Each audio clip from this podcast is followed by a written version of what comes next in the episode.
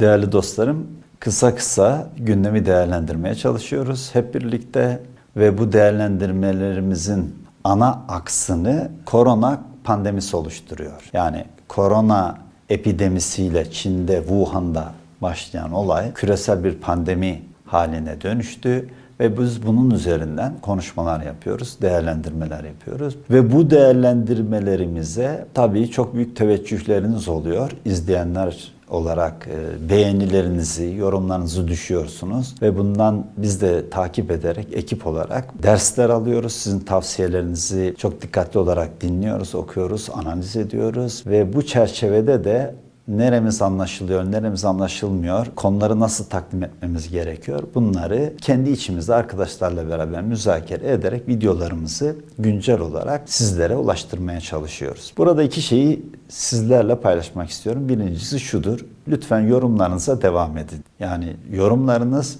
hem bizi geliştiriyor. Neticede bu bir e, karşılıklı etkileşimdir. Bizi şöyle geliştiriyor. Anlaşılmadığımız konuları ya biz bunları nasıl daha iyi anlaşılır hale getirebiliriz diye kendimize çalışıyoruz. İkincisi beğenilerinizi devam ettirin. Beğenileriniz bizlere moral motivasyon oluyor, teşvik oluyor. Bir üçüncüsü de bizleri sürekli şikayet eden sevgili dostlarımıza e, sizlere ne diyeyim bilemiyorum. Yani niçin şikayet ediyorsunuz ki? Yani şurada paylaştığımız videoları da eğer bu fikirlere katılmıyorsanız katılmayın. Yorumunuzu yazın. Beğenmeyin. Yani yığınla yorum yapan insanlar var. Yani kardeşim siz de gidin onları izleyin. Son sıralarda çok kısa zamanda abone sayımız 10 binin üzerine çıktı. Hepinize teşekkürlerimizi arz ediyoruz. İzlenme sayılarımız çok çok yüksek oluyor.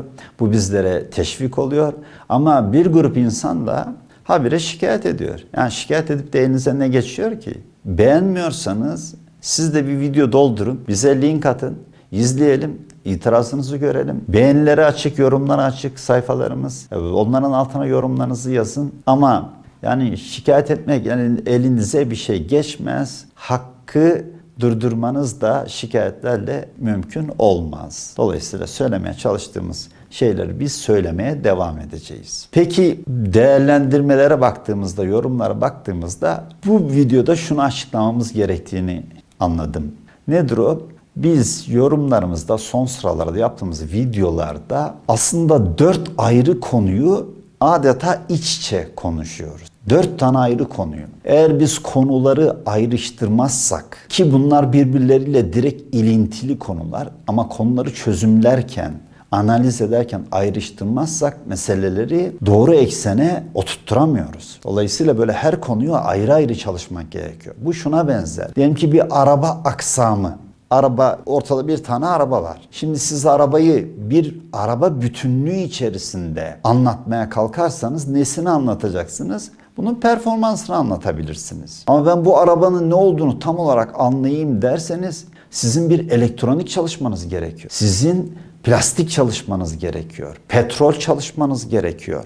Sizin işte ağaç aksamı varsa arabada ağaç aksamı ile ilgili ağaçlarla ilgili çalışma yapmanız gerekiyor. Sizin böyle bakalitlerle ilgili çalışmalar yapmanız gerekiyor. Döşemelerle ilgili ayrı. Bunların hepsi ayrı birer dünya. Bunların hepsini birleştirdiğiniz zaman araba oluşmuş oluyor. Ama müstakil olarak siz bu arabayı anlatayım diye performansının dışına çıkarsanız yani şu kadar sürat yapar, işte 10 saniyede şu sürate ulaşır, manevra kabiliyeti şöyledir. Bu gibi performansın dışına çıktığınız zaman siz arabanın yapımı, inşaatı, kompozisyonu, dağılımı bunlara girdiğiniz zaman yapacağınız konuşmalar birbiriyle çelişiyor gibi görünebilir dinleyenler açısından bir karmaşa varmış gibi görülebilir. İşte buna açıklık getirmek için biz videolarımızda dört eksen üzerinde çözümleme yapıyoruz. Dört ayrı ekseni iç içe çözümlüyoruz. Kolay mı? Hayır kolay değil zor bir şey. Ama bunu kolaylaştırmak için elimizden geleni yapıyoruz. Nedir bu dört eksen? Bakın iç içe yaptığımız videolar şu dört tane ekseni çözümlemeye çalışıyor. Birincisi bu pandemiyi yani küresel bir salgın var. Bu salgını anlamaya, anlamlandırmaya ve etkilerini analiz etmeye çalışıyoruz. Yani bunun tıbbi boyutu var, ekonomiye yansımaları var, işsizlik, sosyal yapıya yansımaları var, tarıma, gıdaya bunlara yansımaları var, emniyete yansımaları var, güvenlik yansımaları var, devletlere yansımaları var, paraya yansımaları var. Yani küresel bir pandemi olunca bundan ne diyeceğiz bu pandemiye ve bunun yansımaları nelerdir? İşte bunları analiz etmeye çalışıyoruz. Bu birinci eksen. Zaten bunu yapan epey de insan var. Hepsinin ağzına sağlık. Neticede ne kadar çok değişik açılardan bakılırsa o kadar faydalı sonuçlar istihsal edilebilir. Yani güzel fikirler çıkabilir. Ama bizim yaptığımız sadece bu değil. Bu bir eksen. Bir başka eksen bu pandemiyle beraber küresel finans çöküşü, küresel finans kaosu ya da krizi ne dersek diyelim ben çöküş demeyi tercih ediyorum. Küresel finans çöküşü de anlatmaya çalışıyoruz. Bakın küresel finans çöküşü 1990'lı yılların sonundan itibaren sinyallerini vermeye başladı. Ben ulusal bir gazetede köşe yazılarımda bunları ta 1999'larda 98'lerde yazmaya başladım ve bunları kitap haline getirdim. Şimdi o kitaplardan da size hangi kitaplarda ne anlattığımı da anlatmaya çalışacağım. Şimdi ikinci bir eksende küresel finans çöküşünü anlatmaya çalışıyor. Dolayısıyla küresel finans çöküşü bunu matruşka gibi düşünürseniz en içeride epidemi var. Wuhan'da çıkan bir sağlık problemi, salgın hastalık. Bunun dışında bir küresel pandemi oluştu. Bütün dünyayı sardı bu sağlık ve bu katmer katmer gidiyor. Şimdi bunu yaparken bunların da dışında aslında aynı zamanda bir küresel finans çöküş yaşanıyordu. Bu küresel finans çöküşü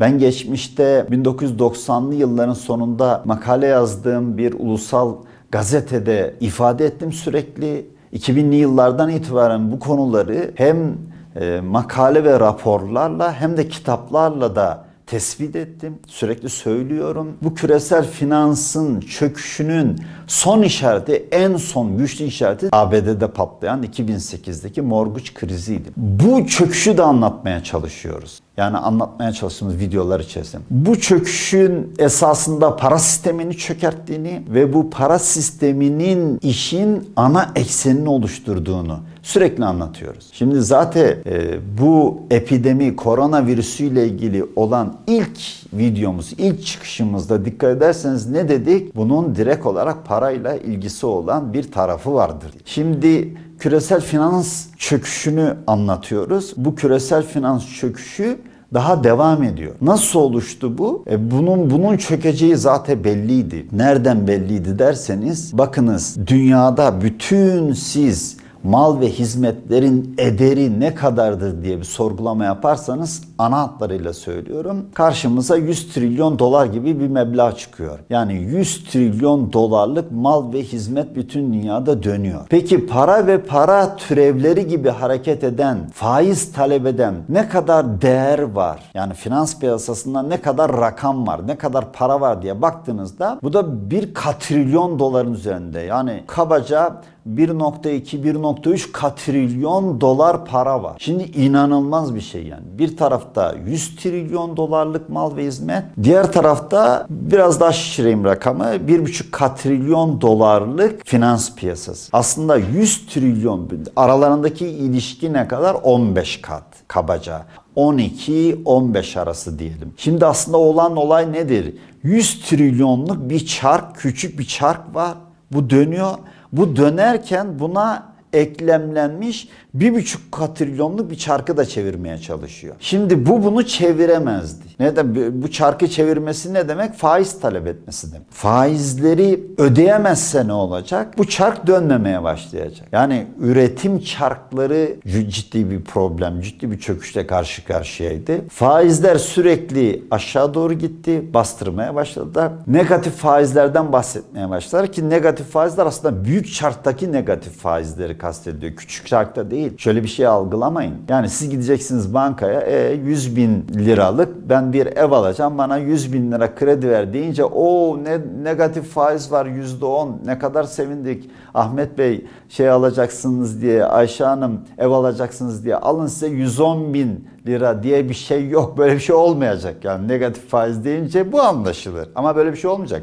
Büyük çarktaki faizler negatife düşürmeye çalışıyorlar. Yani bazıları faiz getirilerinden feragat etsin diye bekliyorlar. Ve bu büyük bir kavgaya sebep oldu. Şimdi bunları detaylı olarak diğer videolarda anlatacağım ama bu videomda niye anlatıyorum ben? Biz videolarımızda analiz yaparken, çözümleme yaparken dört tane eksen üzerinde çözümleme yapıyoruz ve bunlar iç içe. Onun için bu bir ara videolarımızı dinleme kılavuzu videosu gibi bir şey oluyor. Birincisi korona pandemisi. Bunun üzerinde analiz yapıyoruz. Diğeri küresel finans çöküşü. Bunun üzerinde analiz yapıyoruz. Ve bu çöküş çok detaylı anlatacağız ama ana hatlarıyla bir merkezi para üreticileri var. Bir de dağıtık sisteme göre para üreticileri var. Bunlar şimdi birbirleriyle kavgaya tutuştu. Neden nasıllarını bir başka videomuzda detaylı olarak anlatacağım. Bir üçüncü eksen anlatmaya çalıştığımız şey belki de diğer anlatıcıların dışında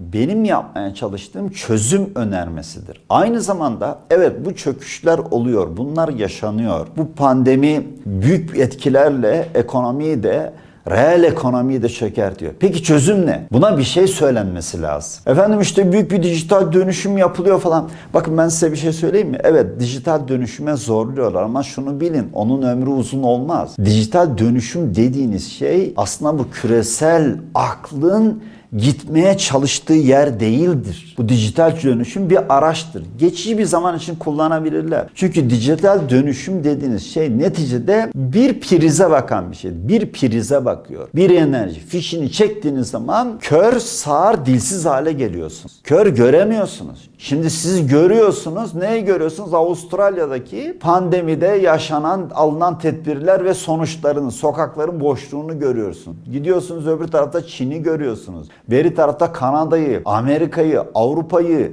Türkiye'nin her bir yanını görüyorsunuz. Bunları nereden görüyorsunuz? Yani uzun erimli görüşünüz var? Hayır. Elinizdeki dijital PDA'lardan, kendi elinizdeki cep telefonlarından, video yayınlarından, sosyal medyadan görüyorsunuz. E peki enerji olmasa bunları görebilir misiniz? Göremezsiniz. Şu anda duyuyorsunuz. Nasıl duyuyorsunuz? Biri ses dosyası gönderiyor, öyle duyuyorsunuz. Cep telefonuyla görüşüyorsunuz. Enerji olmasa bunları da göremezsiniz, duyamazsınız. Konuşuyorsunuz. Ben şimdi konuşuyorum, size konuşuyorum. Evinizde oturuyorsunuz, arabada giderken ya da işte koltukta bir gözünüz bir televizyon dizisinde, öteki taraftan birkaç heyet içerisinde konuşma şeyindesiniz, modundasınız. Elinizdeki PDA Aşağıdan da kısık sesle belki de beni dinliyorsunuz. Ben size konuşuyorum. Ama bunların hepsi bir fişe bakar. Fiş çekildi, iş bitti.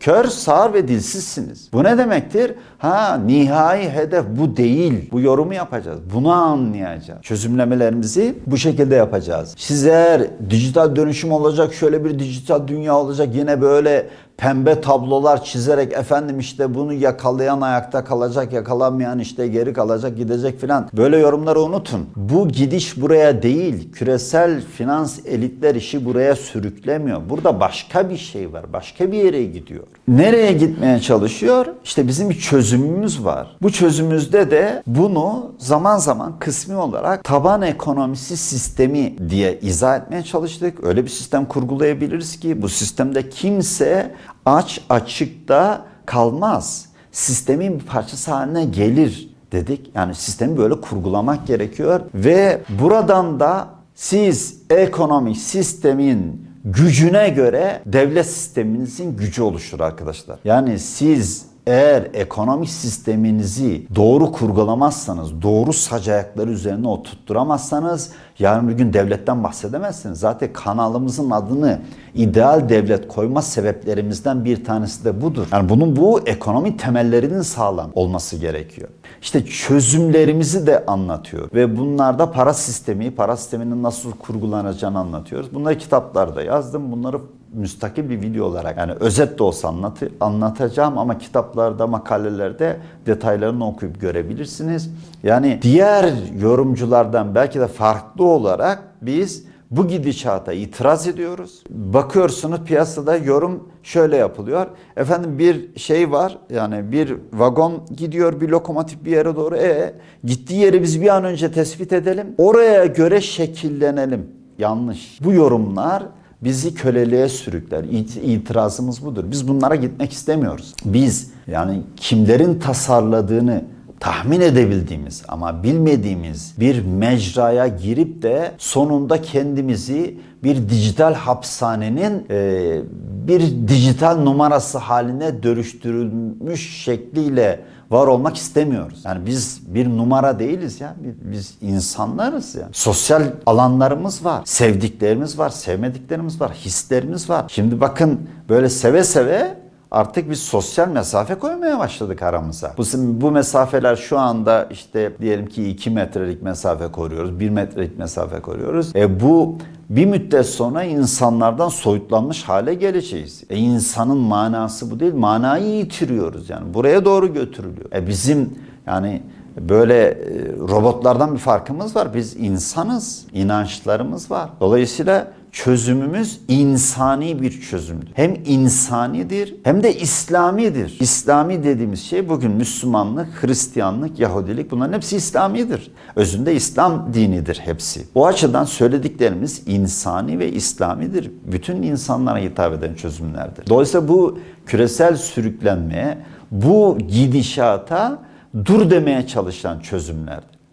Böyle bir eksende de konuşmalarımızı yapıyoruz. Bir dördüncü eksen konuşmalarımızda bu işin felsefesini nereye oturtturacağız sorusuna cevap vermeye çalışıyoruz. Yani şimdi ne yapmaya çalışıyoruz? Videolarımızda bu pandemi, e, küresel korona pandemisi ni çözümlüyoruz, analiz ediyoruz, bunları anlatmaya çalışıyoruz. Etkilerini, sebeplerin sonuçlarını irdeliyoruz. İki, aynı videolarda zaman zaman kurduğumuz cümlelerde biz küresel finans sisteminin çöküşünü de anlatıyoruz ve analiz ediyoruz. Yani neden böyle oldu, ne olması gerekirdi gibi sorulara cevap veriyoruz. Bir üçüncüsü biz çözüm söylüyoruz. Bunun bir çözümü var. Bir dördüncüsü ya bütün bu gelişmelerin bir izahının olması gerekiyor. Bu izahı nereye oturtturacağız? Böyle bakıyorum. Şimdi biz geriye doğru gittiğimizde 50 yıl geriye gidiyoruz. Son 50 yıla göre karşılaştığımız problemleri izah etmeye çalışıyoruz.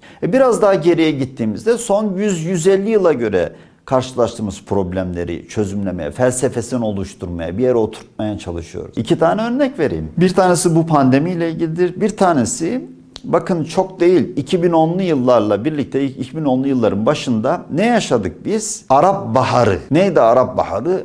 Arap ülkelerinde, Orta Doğu'da ve Kuzey Afrika'da Araplar isyan ettiler. Devletlerine karşı, otoriter rejimlere karşı, diktatörlere karşı hepsini yıktılar, dağıttılar. İşte ne tür yorumlar yapılıyordu o sırada? İşte Araplar yeter dedi artık da onlara da özgürlükler gelecek, bahar gelecek. Onlar da işte dünyanın ulaştığı bu teknolojik bilimsel nimetlerden özgür bir şekilde istifade edecekler işte Lübnan'da şöyle olacak, Tunus'ta böyle olacak, Suudi Arabistan şuna doğru evrilecek. Yorumlar böyleydi. 40 yıllık 50 yıl geriye bakılıyordu. Soğuk Savaş dönemindeki analizler taşınıyordu Arap Baharı'na. Yani Soğuk Savaş dönemi bitti. İşte onlar da dayandı dayandı ama sonunda onlar da patladı. Ne oldu? Sonra olan ne? Bütün Arap Baharı'yla siz Kuzey Afrika'da ve Orta Doğu'daki devletleri yıktınız. Sonunda burada keşmekeş, kargaşa, kaos hiçbir zaman bitmedi. Ama tam o sıralarda 2011 yılında benim Yalova Üniversitesi'nde yaptığım bir konuşma var. YouTube'da hala yüklü. Orada şunu söylemiştim. Bakın bu küresel finans sisteminin çöküşünden dolayı hani iki çark bir tanesi üretim çarkı yaklaşık 100 trilyon dolar civarında ederi. Diğeri de bunun 12 ile 15 katı arası 1,5 trilyon dolar civarında da finansman çarkı var. Bu küçük çark bu büyük finansman çarkını çeviremiyor. Yani onun faizlerini ödeyemiyor. Çarkın dönmesi demek faizlerin ödenmesi demek. Faiz ödenmezse bu yapıda, bu ortodoks ekonomi yapısında çark dönmez. Faizi ödeyemiyor. Ne yaptılar? 2008'den 2011'e kadar oturdular. Ne yaparız diye sonunda şunu keşfettiler. Ya da şöyle bir proje ortaya attılar. Dediler ki biz Orta Doğu'ya ve Kuzey Afrika'daki Arap ülkelerine de borç verelim, borç para verelim. Onları da ortak edelim. Ve oralara yüzde onlarla, yirmilere, on beşler civarında faizle borç para verdiler. Kendi faizlerini yaklaşık yüzde birlere kadar bazı yerde sıfırlara kadar düşürürlerken bunun 10 katı 15 katı yüzde 15'ler civarında faizle Kuzey Afrika ve Orta Doğu ülkelerine kredi vermeye başladılar. Yani var olan borçları transfer ettiler. Ben ona o sırada borç transferidir bu demiştim. Ne oldu? Yaklaşık 150 milyar dolar aktardılar te- ama yetmedi, çözemedi. Yani bu kriz, küresel finans çöküşü devam ediyor. Bu o sıralarda yapılan analiz bir 40-50 yıllık analizler yapılıyordu Arap Baharı çerçevesinde. Ama küresel finans çöküş tahlil edilmiyordu, analiz edilmiyor. Şimdi geliyoruz. Şimdi yapılan tahlillere bakıyorum. Bu tahliller de 1800 1900 yılların başına kadar 1870 1860'lı yıllara kadar hadi diyelim ki 1850 yani 150 yıl geriye gidiliyor. 150 yıl geriye gittiğimizde endüstri devrimi İngiltere'de işte bankacılık sisteminin gelişmesi, Marx'ın, David Ricardo'nun, Adam Smith'in yazıları, işte o sıralarda e, yapılan ekonomik tartışmalar bunlara kadar gidiyor ve deniyor ki büyük bir dönüşüm yapılacak. Evet. Ya büyük bir dönüşüm yapılacak. Tamam.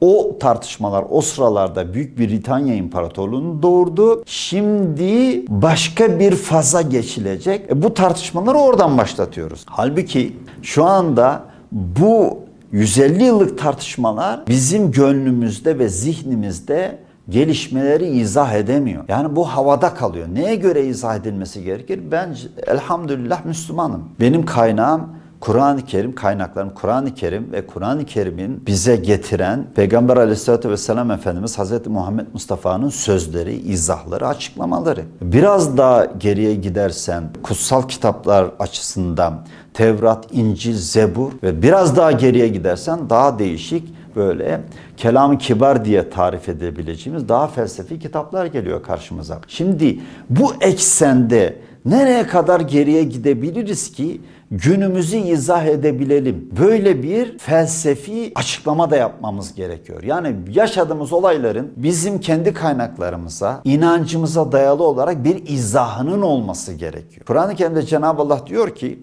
bu kitapta yani Kur'an-ı Kerim'de yaş, kuru ne varsa hepsi bu kitapta vardır. Şimdi yaş, kuru deyince böyle yaş meyve, kuru meyve gibi bir şeyleri algılamamamız gerekiyor. Neyi algılamamız gerekiyor? Yaş demek yani olgunlaşmakta olan, daha olgunlaşmamış, taze, gelecek, olgunlaşacak demek. Kuru ne demek? Olgunlaşmış, olmuş, bitmiş, tüketilebilir olan demek. E şu anda bazı olaylar oluyor taze. Bazı olaylar ol olgunlaşmış, bitmiş. E ben bunu nasıl izah edeceğim? Bunu izah etmem lazım. Yani bu benim imanım açısından da takip ettiğim kutsal öğretiler açısından da çok önemli bir şey. Bunu bir yere oturtturmamız lazım zihnimizde. İşte bu açıdan da zaman zaman yorumlar yapıyoruz. Dolayısıyla bu videoda ben size ne demiş oldum? Demeye çalıştığım şey şudur. Bu videolarla sağ olun çok büyük bir teveccüh gösterdiniz. Kısa zamanda abone sayımız 10 bini geçti. Tekil izleyici açısından baktığımızda 1 milyon e, kişiye bu kadar kısa zamanda ulaştık. Bu sizlerin başarısıdır. Sizlerin bu başarısı, bu teveccüh bizleri de daha çok çalışmaya, daha çok kaynak araştırmaya, daha çok düşünmeye, tefekkür etmeye, e, fikirlerden çözümler üretmeye sevk ediyor. Bu da iyi bir şey. Videolarımızı bu eksenler üzerinde analiz yaparak devam ettireceğiz. Ama bilesiniz ki zaman zaman bir müstakil videoda duyduğunuz bir şeyle diğer müstakil videoda duyduğunuz bir şey arasında ya ne alaka var bunları nasıl bağlıyorlar birbirlerine falan dediğinizde bizim bu videolarımızın tümünü düşünmenizi sizlere tavsiye ederim.